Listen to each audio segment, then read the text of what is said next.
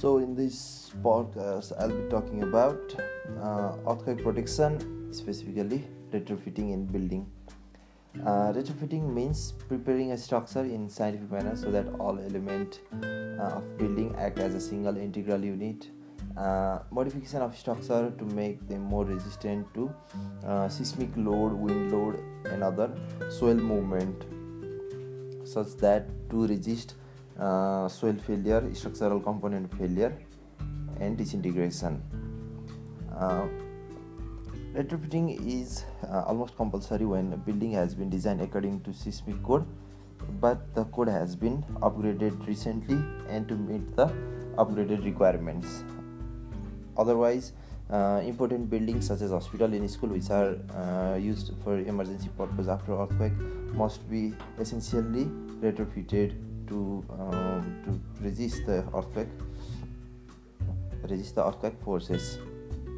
Also if the building has been expanded and uh, the purpose of building has been changed it is necessary to retrofit.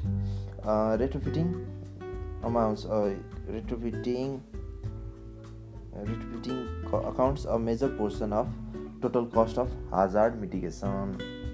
Uh, there are two methods of retrofitting conventional strengthening of uh, retrofit or um, innovative method also known as base isolation or supplement energy dissipation of structural con- control. Uh, in conventional strengthening method of retrofit uh, a new structural element are inserted or jacketed. And addition of shear wall also takes place.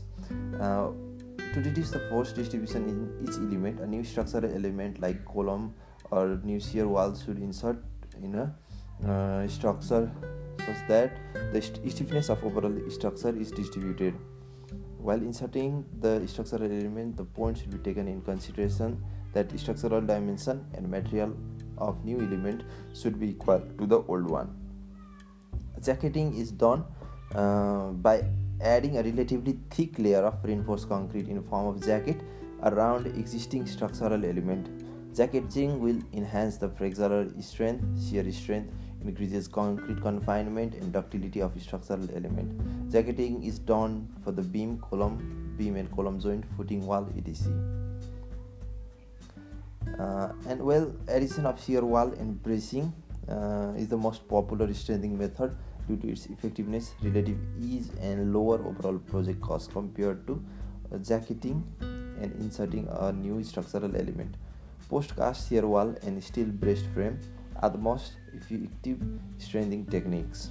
And well, in innovative method of retrofit, uh, such as base isolation, um, isolates the superstructure and foundation, superstructure and foundation, such that the energy is dissipated within the foundation and low energy is distributed to the superstructure, which not only reduces the seismic uh, seismic disintegration, but also uh, but also guarantee the safety of people and lives in the structure.